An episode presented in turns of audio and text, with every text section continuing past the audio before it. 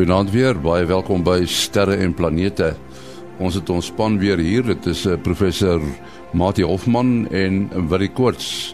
Kobus Olkers is daar ook met uh, ruimte weer nuus, maar eers uh, ruimte nuus wat geskryf word deur Herman Turin in Bloemfontein. Die ruimteskip Juno wat om Jupiter wentel, se ontdekking in 2016 dat die groot planeet 'n ligte wollerige kern het, is nou moontlik verklaar.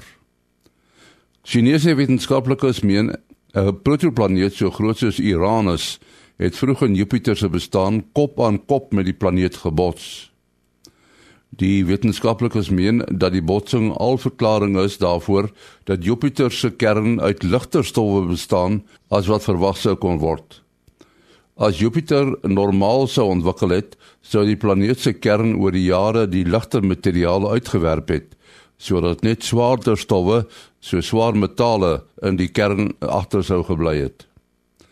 Ligter materiaal sou ook nie meer die kern kon binnendring nie en al manier wat oorbly is dat die ligter materiale deur iets tot in die kern gevoer moes word.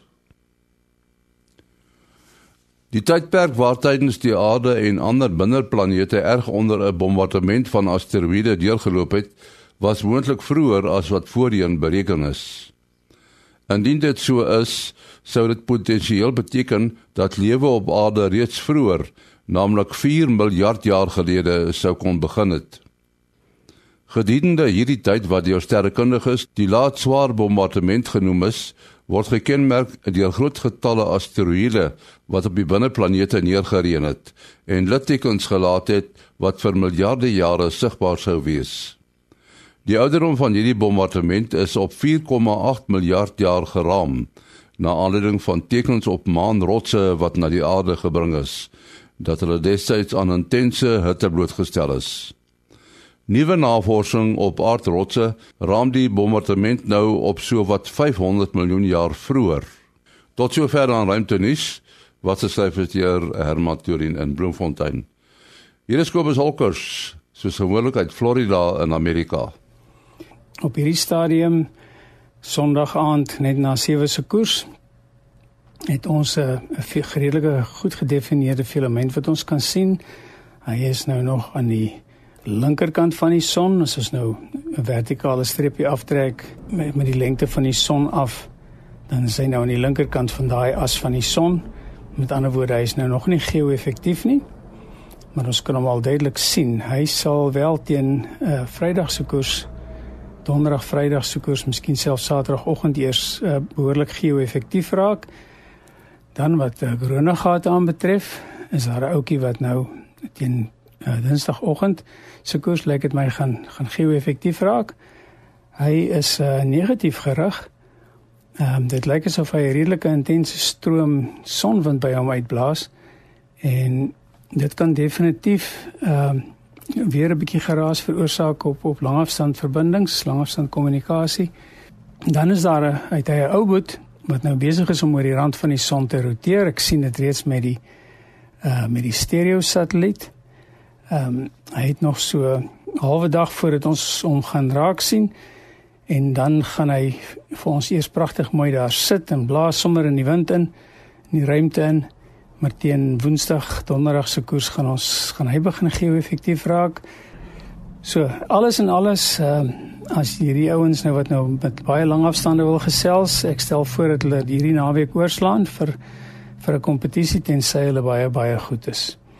En ek wens julle almal 'n heerlike week toe. Dit was aan die ruimte weervoorspelling deur Kobus Olkers daar van Florida, Amerika af. En dan net so 'n bietjie aandigting oor 'n uh, sterrepraatjie wat ek gaan hou op die 29ste Augustus om 07:30 die aand by die Safari Tuinsentrum in Lynnwood Pretoria. As jy meer inligting wil hê, Rian Swieger se nommer is 083 226 6861. 083 226 6861. 29 Augustus om 07:30 die aand by die Safari Tuinsentrum in Lynnwood Pretoria. Soos ek gesê het, ons het uh, vanaand vir professor Mati Hofman van die Digitale Planetarium in Bloemfontein en ook vir die koorts van die SAAO by ons. Uh, wat jy veral jy jy praat nogal baie oor 'n uh, ding soos 'n reaksiewiel wat in 'n in 'n ruimtetuig gebruik word. Maar wat is die verskil tussen 'n reaksiewiel en 'n uh, giroskoop? Uh ja, mense eerste reaksie is nou pan intended soos hulle sê, eerste reaksie is dat die dat die twee dieselfde ding moet wees. En uh maar daar is tog 'n klein verskilletjie. Nou um mense wat dalk motorsport entoesiaste is, uh uh het al opgelet as jy 'n kar se enjin so ref wat is die mooi Afrikaans daarvoor? So die petrol trap terwyl jy terwyl hy staan sal jy agterkom die engine rol so in die in die onder die engine kap daarso. En en dit is dan die effek wat jy wil hê met 'n reaksiewiel so 'n reaksiewiel se spoed word of vinniger gemaak of stadiger gemaak om jou eh, ruimtetuig te laat rol in 'n spesifieke rigting. So mense kan nou dink as jy hulle nou teen 90 grade sit, die een gaan dan vir jou rotasie gee in die een rigting en die ander een uh, in die in 90 grade met dit en as jy dan nou 'n derde ene uh in nog weer 90 grade sit met al twee dan kan jy weer 'n rolbeweging op 'n derde as uitvoer. So op die manier kan jy dan deur net elektrisiteit te gebruik wat jy natuurlik van die sonlig kry uh op jou sonpanele uh, uh kan jy dan jou ruimtetuig mik in enige rigting uh sonder om enige brandstof aan boord nodig te hê. Ehm um, en dit is dan ehm um, vir al jou klein satellietjies uh is is dit gewoonlik die maklikste manier hoe hulle dan die ruimtetuig in 'n sekere rigting sal laat kyk. Nou 'n giroskoop is is uh, en hier kan ons amper meer dink aan aan op op 'n boot. Uh jy het nou 'n boot en die boot rol uh maar jy wil hê jou kompas moet regop bly. Uh jou kompas moet moet moet mooi plat bly in die in die soos die skip rol uh um, moet hy nou net jy, jy sien al op in die in die fliek sien mens baie maal uh dat die kompas is baie maal so in amper soos in water of 'n stelsel hoe die hoe hy altyd reg bly. En uh, natuurlik as jy nou begin dan wil jy ook nie hê soos wat die boot jy nou weer um beweeg sy neus oor die branders en so wil jy hê die kompas moet die moet die hele tyd mooi noord wys so okay so die die die die magnetisme van die aarde is nog steeds wat jou wat jou kompas gaan in 'n rigting laat wys, maar dan het jy baie soos 'n reaksiewiel is net 'n 'n 'n vliegwiel uh, met 'n bietjie massa wat teen 'n baie hoë spoed, maar die keer is die spoed konstant. So die die uh uh um, vliegwiel word die hele tyd teen die konstante spoed ge, uh, gehandhaaf en dit gee dan vir jou stabiliteit. Nou dis natuurlik dieselfde idee wat uh hoekom jy regop bly op 'n fiets of 'n motorfiets is want jou wiele werk uh, soos vliegwiele om vir jou 'n giroskopiese effek te gee om om jouself dan dan regop te hou. Um ek onthou uh, destyds het Marinus van Wynbeek 'n program gehad die brandkluis. Uh en en ek dit is nou toe televisie nou nog baie jonk was en ek het vreeslik die program probeer kyk elke moontlike episode en hy het ook daar 'n interessante idee gehad waar jy dan 'n fietswiel uh uh so hulle laat hom hang met toue uit die dak uit en die toue is vasgemaak aan die assie uh, wat normaalweg in jou fiets se raam sal wees. Uh en dan word hierdie wiel uh, laat draai teen 'n hoë spoed en dan sny jy die een tou af en en maar daardie wiel bly regop. Uh, wat natuurlik volgende gebeur is presies die wiel begin stadig soort van in die ronde te draai.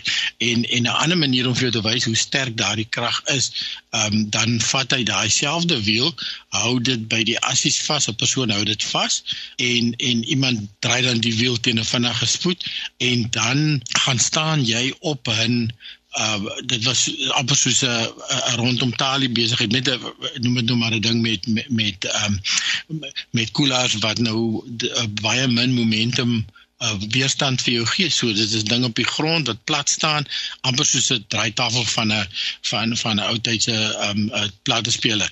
Uh maar die ding kan eintlik jou gewig vat en hy nou baie beweeg baie maklik.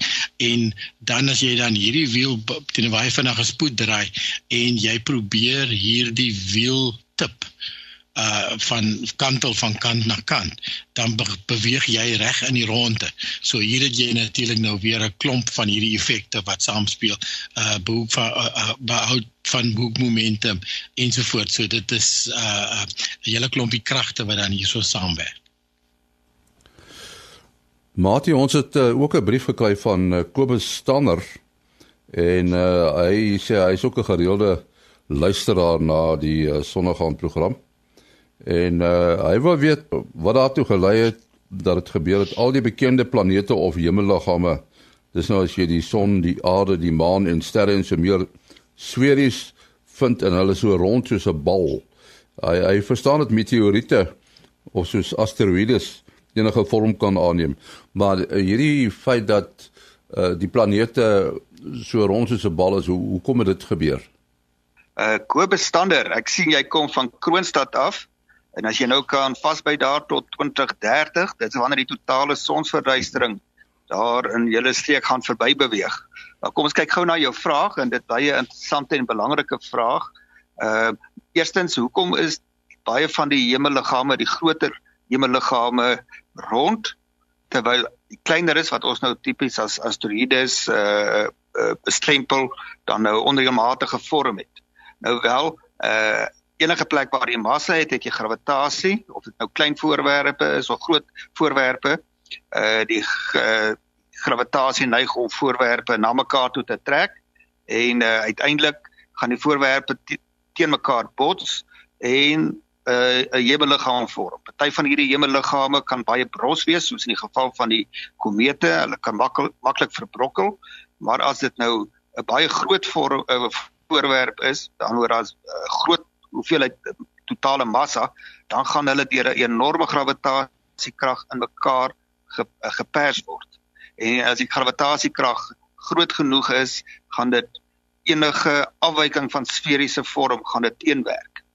Uh dit is net 'n baie vinnige rotasie wat uh die vorming van 'n perfek sferiese vorm gaan uh gaan teewerk. Dit is byvoorbeeld die geval in die aarde wat teen 'n redelike hoë spoed wentel met 'n periode van 24 uur. Ehm uh, die aarde is effens afgeplat as jy nou van die tussen die pole meet teenoor die deursnee op die ewenaar, maar ons kan die aarde as baie naby aan 'n sferiese vorm benader en dit is waarvan al 8 planete in die sonnestelsel. Hulle is almal rond.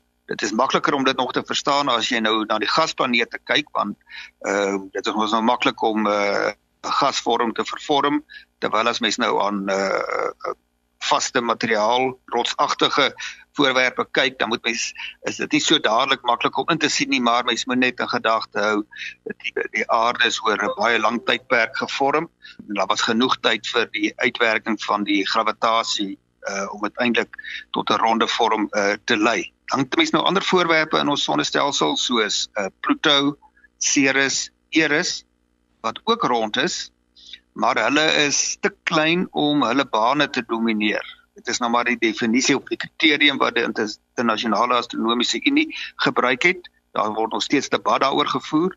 Nou daardie voorwerpe wat groot genoeg is, genoeg massa het om rond te wees, maar nie om hulle plane te domineer nie, word as dwergplanete uh geklassifiseer. Nou 'n voorwerp soos Ceres wat nou in ons asteroïde belt is, is uh ek dink is naby aan 1000 km. Jy kan my daar reg help uh Willie, maar dit is uh, weet redelik groot.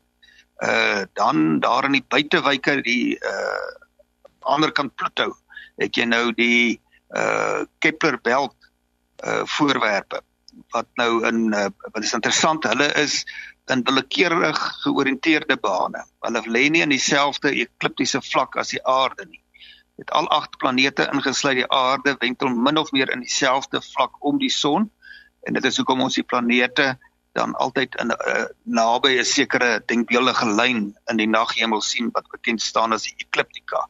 Uh Mars se baan is so bietjie gekantel 'n paar grade. Ehm uh, uh die maan se baan is ook 'n paar grade gekantel, maar dan uh die aarde self per definisie lê presies in daai vlak uh en dan die Jupiter Saturnus hulle lê bane lê baie naby aan die aan daai vlak. Nou dis interessant dat Pluto wat nou 'n dwergplaneet is, se baan is uh, nogal hy't nogal taamlik ver af van die ekliptiese vlak, maar dis nie die rede hoekom hy as 'n dwergplaneet geklassifiseer is nie. Ek dink dit was een van die redes hoekom hulle hom graag anders wou klassifiseer, want dit is so asof hy aan 'n ander familie behoort. En as jy nou al die bane van die uh, bekende dwergplanete gaan voorstel, dan sien jy wel dit lyk of Pluto meer in daardie daardie familie val. En uh, hulle is histories het hulle 'n uh, ander oorsprong. Die, die, die alles wat in die ekliptiese vlak lê is uit hierdie een roterende uh gaswolk rondom die vormende son uh gevorm. En soos wat dit geroteer het, het nou afgeplat terwyl die ander voorwerpe later bygevoeg is deur die gravitasie wat maar voorwerpe wat deur die hemelruim uh beweeg het uh, gevang het of dit kan voorwerpe wees wat uit die asteroïdebel uitgegooi is maar in elk geval dit dit is nie oorspronklik in daardie vorm in daardie vlak saam met die ander planete gevorm nie nou die asteroïdes wel dit kan nou van die asteroïdes kan baie groot wees dit enkele 100 km in deursnee maar dit net eenvoudig nie genoeg gravitasiekrag om die weerstand teen vervorming van die vaste, die rotsagtige materiaal uh, te te te oortroef nie. Maar aan die ander dit kan in allerlei onreëlmatige vorms uiteindelik min of meer 'n stabiele struktuur uh, bereik. Nooit heeltemal stabiel nie, maar uh, iets wat nie maklik weer of gou weer in 'n kwessie van baie eeue sal verander nie. Ek kan miskien net vir 'n oomblik gou daar byvoeg jy nou gesê van hoe baie saak hoe groot 'n liggaam is of hoe klein jy het gravitasie en selfgravitasie en 'n goeie voorbeeld 'n waterdruppel op aarde uh, ons teken ons altyd met so 'n puntjie aan dis soos jy as om soos om beleef soos aan 'n aan 'n kraan sal hang byvoorbeeld en en as 'n waterdruppel val deur die ruimte dan is daar so gravitasie aan die een kant wat hom trek en uh, daar's ligweerstand aan die ander kant wat hom vervorm maar as jy gaan kyk na video's wat op die ruimtestasie geneem word van hoe mense 'n waterdruppel sal uitdrup by 'n bottel en en dan is hy perfek rond. Ehm um, want daar is geen swaartekrag wat op hom op hom in op 'n invloed het nie. So dis net sy eie self swaartekrag en natuurlik ehm um, oppervlakspanning wat wat hom in 'n perfekte rond ronde balletjie sal hou. Kobus, ek hoop uh, ek antwoord daai deel van jou vraag. Ek kyk nou nog van jou ander vrae hierso. Ons het nou eers reeds gekyk hoekom hulle nou in die die die agt planete in die min of meer dieselfde vlak lê. Uh nou vra jy hierso uh weet wat bepaal hoe hulle nou in daai posisies in die heelal tot stand gekom of daai posisies ingeneem en hoe handhaaf hulle hulle, hulle bane? Uh ja, dit is nou uh, interessant van hemelliggame. Ehm uh, as jy nou net eers wel ons begin nou by 'n bepaalde punt in die geskiedenis van van waar ons dit nou kan terugvolg deur die wiskunde. Nou die beginsel is relatief eenvoudig. As jy twee hemelliggame het met uh, hoog genoeg relatiewe beweging wat natuurlik dan onder mekaar se invloed van mekaar se gravitasiekrag het, dan gaan hulle 'n baanbeweging relatief tot mekaar uitvoer wat deur alreeds deur Kepler beskrywe is so rondom die jaar 1600 en uiteindelik deur Newton verklaar is deur sy universele gravitasiewet. Nou daardie bane kan of geslote wees, met ander woorde die uh hy uh, die voorwerp kom weer by sy eie stert uit amper weet hy hy weet neem weer dieselfde posisie in na sy eie uh, eie jaar wat in die geval van die aarde nou 365 en 'n kwart dag is. So dit is 'n gelyk tot 'n periodiese beweging en en da, die vorm van daai baan is ellips en 'n spesiale vorm van 'n ellips is 'n sirkel. Nou uiteindelik neig dit na 'n sirkelvormige baan. Dit is die vir 'n bepaalde uh grootte baan die laagste uh energie uh, konfigurasie. Nou die die die soos ons weet die aarde se baan is baie naby aan 'n aan 'n sirkel, maar jy kan 'n baie elliptiese baan kry soos in die geval van Pluto of nog meer ellipties in die geval van die komete soos Halley se komeet. En ellipties beteken die son sit nie in die middel van die ellips nie, maar hy sit by een van die fokusse en op sy naaste kan die voorwerp baie nader aan die son kom as wat hy op sy verste is en dan kan jy ook bane kry. En uh, dit is dan uh weet uh, paraboliese bane en die die in 'n spesiale geval hiperboliese bane. Dit is almal kegelsnedes uh, dit is maar as die die die voorwerp te veel energie het om in 'n geslote baan gehou uh, te kan word. So as 'n voorwerp nou eers in sy baan is, dan bly hy in daai baan. Behalwe as iets drasties gebeur, 'n botsing of interaksie met ander hemelliggame, So as jy nou byvoorbeeld sou dink aan 'n stelsel soos die aarde, uh, die maan, Venus en die son. Okay, dan is sommer vier liggame. Ons vergeet vir 'n oomblik van die van die maan. Uh dan is dit nou nie die eenvoudige probleem wat deur Kepler se bane beskryf kan word nie, maar die son se se effek oorheers die ander. Hy besit meer as 99% van die sonnestelsel se massa. Dat die ander planete se effek is is van op ek sê uh, tweede orde, dis baie klein.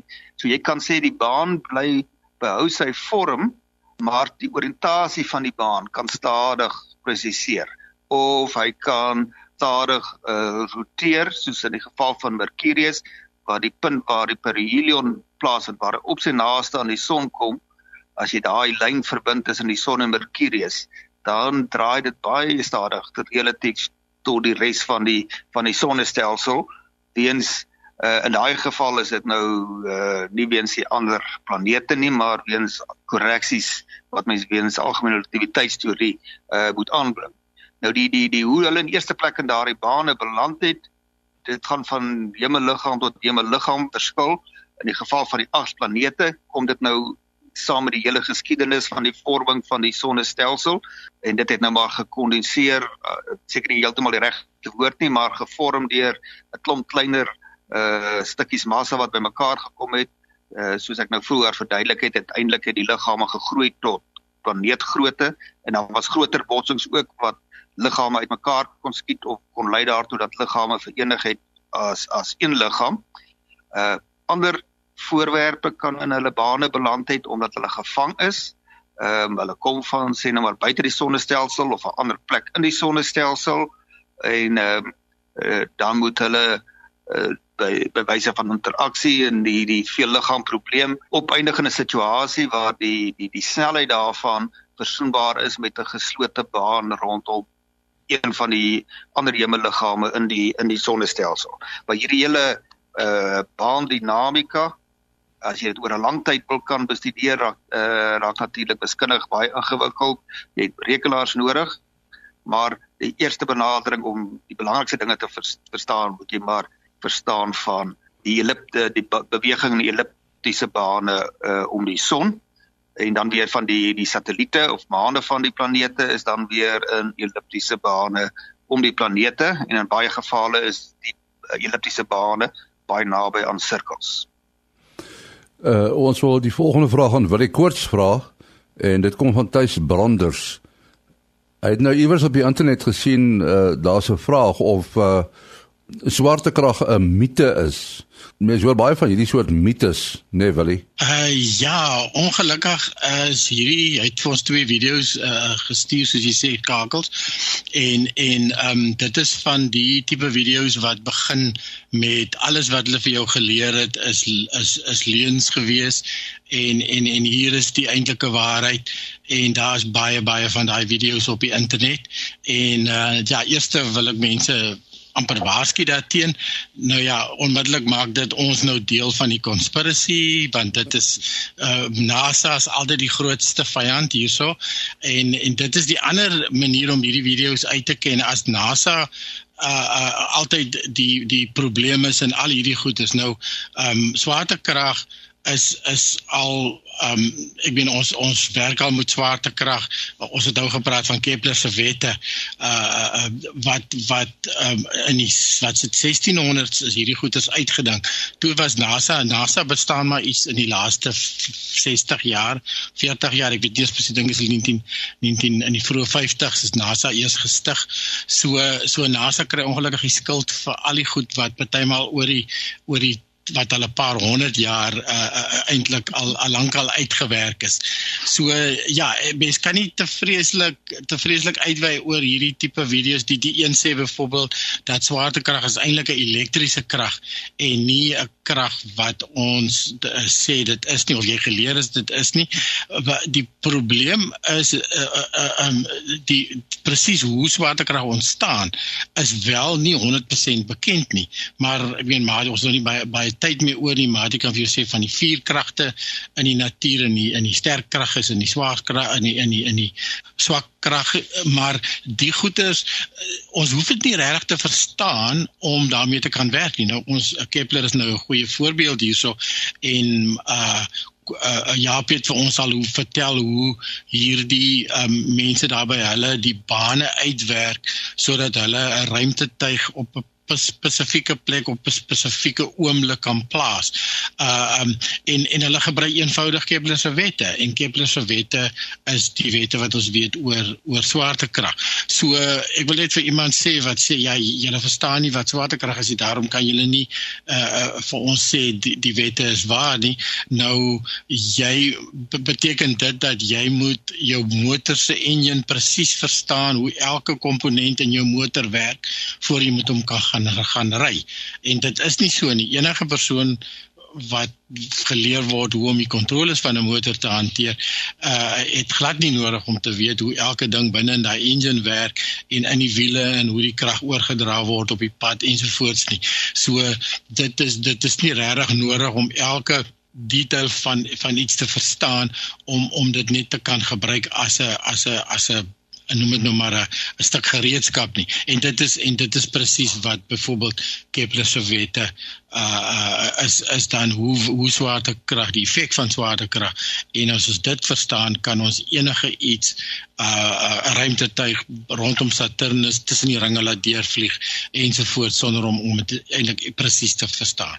Terwyl jy die woord is, wat ja. jou besonderhede? Uh ja, mense kan bel of SMS of WhatsApp 0724579208. 0724579208. En dan Mati? Uh selfoonnommer 0836257154. 0836257154. En my uh, e-pos maas.henny@gmail.com, maas.henny@gmail.com. En uh, dit is ook die adres waar jy u u vrae kan stuur. Tot volgende week. Alles van die beste.